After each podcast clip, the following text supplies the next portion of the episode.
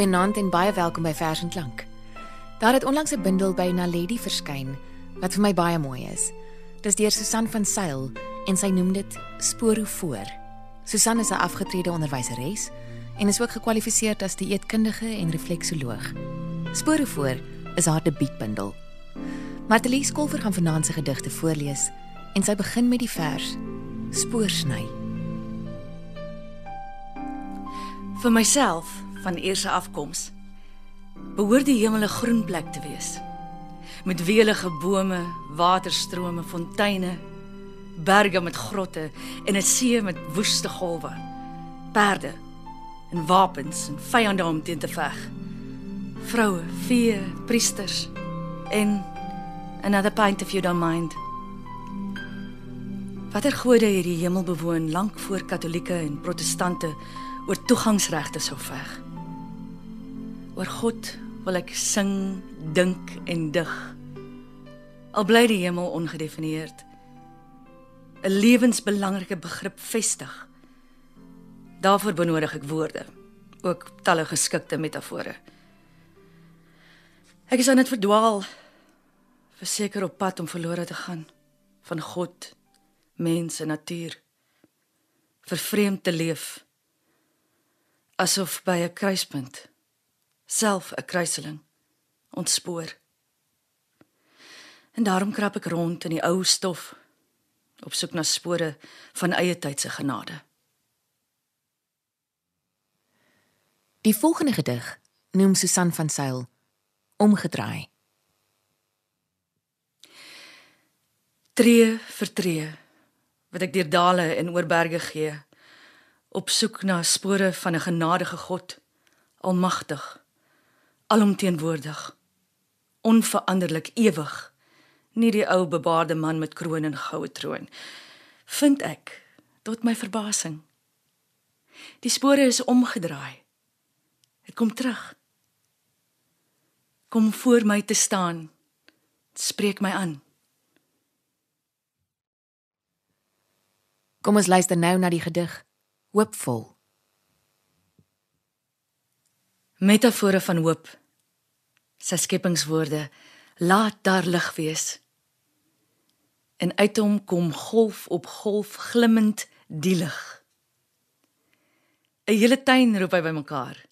Die son plante diere riviere alles in oorvloed. Al wat kort kom is vir ieder 'n bypassende naam. Daarom steek hy sy hande alspelend in die klei beplan en berei iets soos 'n selfbeeld blaas dan lewe deur die klein gaatjies van 'n neus.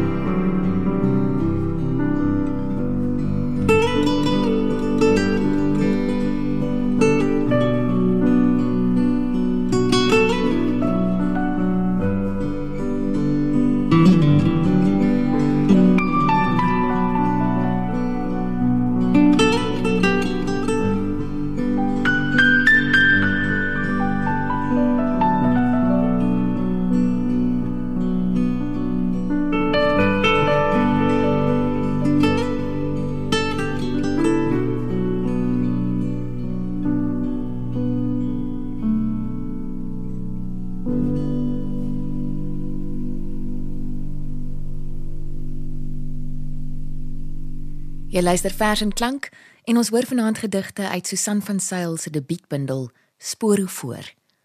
Ek lees op die flapteks van die bundel. Daar is baie maniere waarop God voortdurend aan die mensdom geopenbaar word. Sy woorde en dade vorm 'n integrale deel van ons geskiedenis.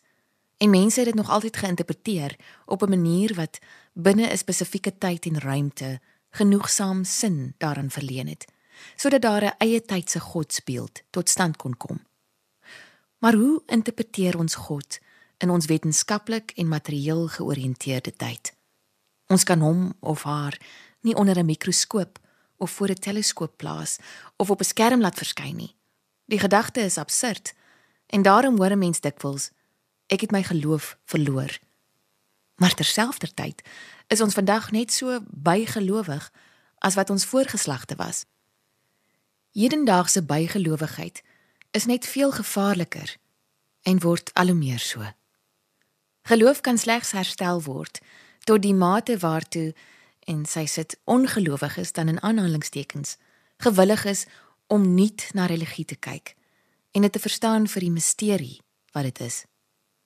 In hierdie publikasie word daar besin oor spore soos dit deur die geskiedenis oor die onherbergsame woonplekke van mense getrap is en steeds getrap word. Spore dui enerzijds op doodgewoon menslike aktiwiteite en nalatenskappe, maar dit kan ook op meer spirituele vlak rigtinggewend wees vir soekers en verdwaaldes, vir mense wat besin oor 'n nuwe manier van glo en godsdienstbeoefening, waar die verhaal van die Bybel gesprei word oor die storie van die wêreld. Spore voor wil graag dien as houer van 'n hoeveelheid van hierdie verdigte verhale. Die volgende gedig wat Martelies Kolfer uit hierdie bundel gaan voorlees, is getiteld Selfbeeld.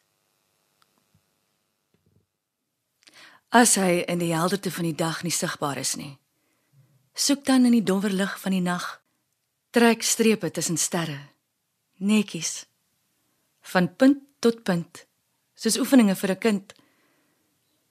Dalk kom jy daarop af. Sien jy die goddelike beeld in die firmament? Voel jy dit roer in jou hart? Die volgende vers wat ons gaan hoor is getiteld Op soek. Toe ek die aarde se fondamente gelê het het jy in atome gesirkel saam met elektrone gesoek na geskikte bane saam met elemente stewig tot verbindings versmelt. Deur arms omvou. Deur kragte vasgehou. Ons het saam gedans in die strewe na balans in naderkom en terugduins vir 'n oomblik het ons stil gestaan in die wind gewag dat die trillings bedaar. En toe het jy saam met my die uitdaging aanvaar En dan het ek en Martelies albei so baie van die volgende gedig gehou. Susan van Sail noem dit Groen Priesters. Neem eet. Dit is my liggaam wat ek vir jou aan vladde laat skeur. Van dagbreek tot sonsak strooi ek om jou onthaalwe geel reddingstoue oor die aarde uit. Ek verwag dat jy verwonderd kennis sal neem van die hervormingsdiens deur my klorofil agente aan jou te verleen. My groen priesters staan met arms omhoog, ontvang in ekstase my gees. Knoop dit vas aan grondwater en afvalgas. Berei komplekse koolhidraatmolekules. Nooi jou om te geniet suurstof, proteïene en stysel sodat ek myself later panteïsties deur jou van vreugde kan oorskater.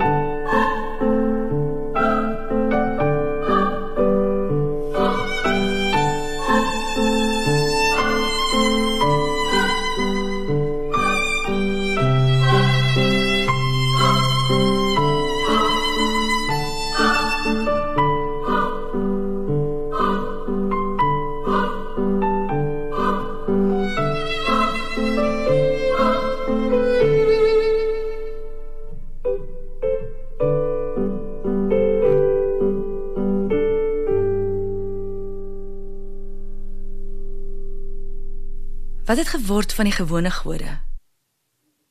Die wat gewoon het in bome, strome, fonteine, donker grotte.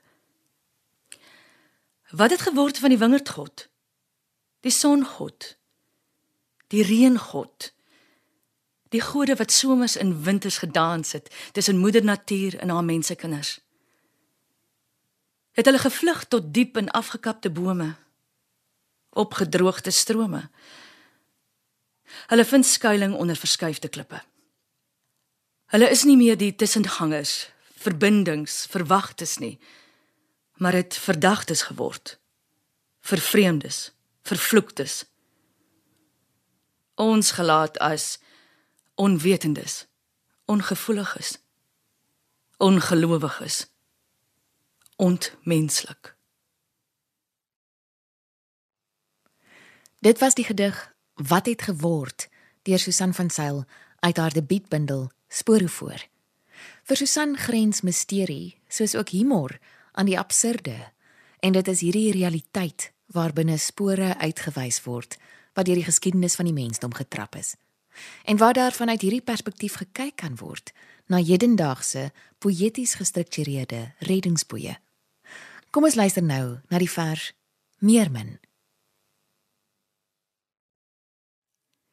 In die begin het 'n god of godin van hom of haarself in aardse stof gegiet, gemeng, daarmee verbind, min of meer mens geword. Meer min. Laat ons dan die godedom verken, leer ken, onsself daarin eien en neem van alles wat ons toekom. Laat ons alles dan aan ons oorsprong terugbesorg die skandaal van God in klei toelaat om metamorfose te ondergaan as mens in God op aarde te leef. Die volgende gedig wat Martelies Kolfer gaan voorlees is Oorbrugging. Jesus. Die stories oor God mense soos hy sit in bloederige nageboorte sleete verstrik. Dit sypel uit oudgeworde mensemonde. Mite, stories en legendes. 'n Gebroke lyf in bloedbevlekte lappe toe gerol, geberre in 'n stowwerige graf in die rots. Soveel gedigte, stories en legendes oor almal wat wag op 'n eie soortige opstandingsmôre. Vader, mag ek net eenvoudig maar glo soos 'n kind. Weet dat wonder en wetenskap mekaar kan oorbrug.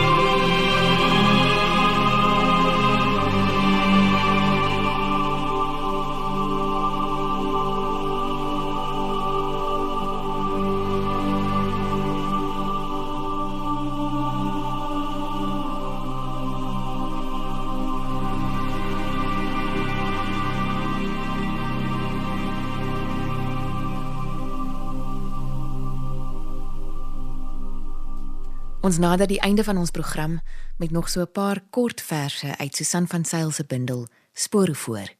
Martelies gaan volgende Bad van Bethesda voorlees. Soms kom 'n engel om sakramenteel die water te roer. Na links genees melaatsheid. Na regs heel verslaanheid. Soms reageer ek betyds op die roering. Staan ek op en stap. Ander dae maak ek dit nie en bly dan verlam. Beskaam hoop. Ook hierdie keer. Sal ek die roering vind in die stem van 'n ander mens? In die sakrament van omarming, ontferming, ontroering.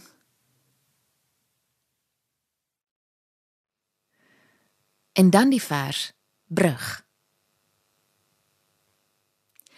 'n Mens is besonder, reken Nietzsche. 'n Brug eerder as 'n bestemming. 'n Oorgang, kontakpunt. Soos in musiek, kontrapunt. Ankerplek vir ewigheid in die harwar van die oomblik. Ophangplek van die nietige binne die allesomvattende. Die laaste vers wat Martie Skolfer vanaand uit Susan van Sail se debuutbundel Spore voor gaan voorlees, is getiteld Die pad. En mag jy ook die pad hierdie week mooi loop. Tot volgende keer.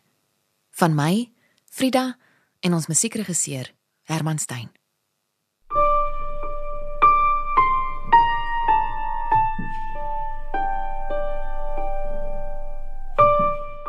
Die pad waar langs 'n pelgrim stap, lê nog voor hom, nog agter haar. Soos op 'n kaart uitgestreep. Die spore word een vir een in die hart, in die grysstof van die verstand ingebed. Net om iets te verwag is reeds deel van 'n koersaanduiding. Die probleem se oplossing.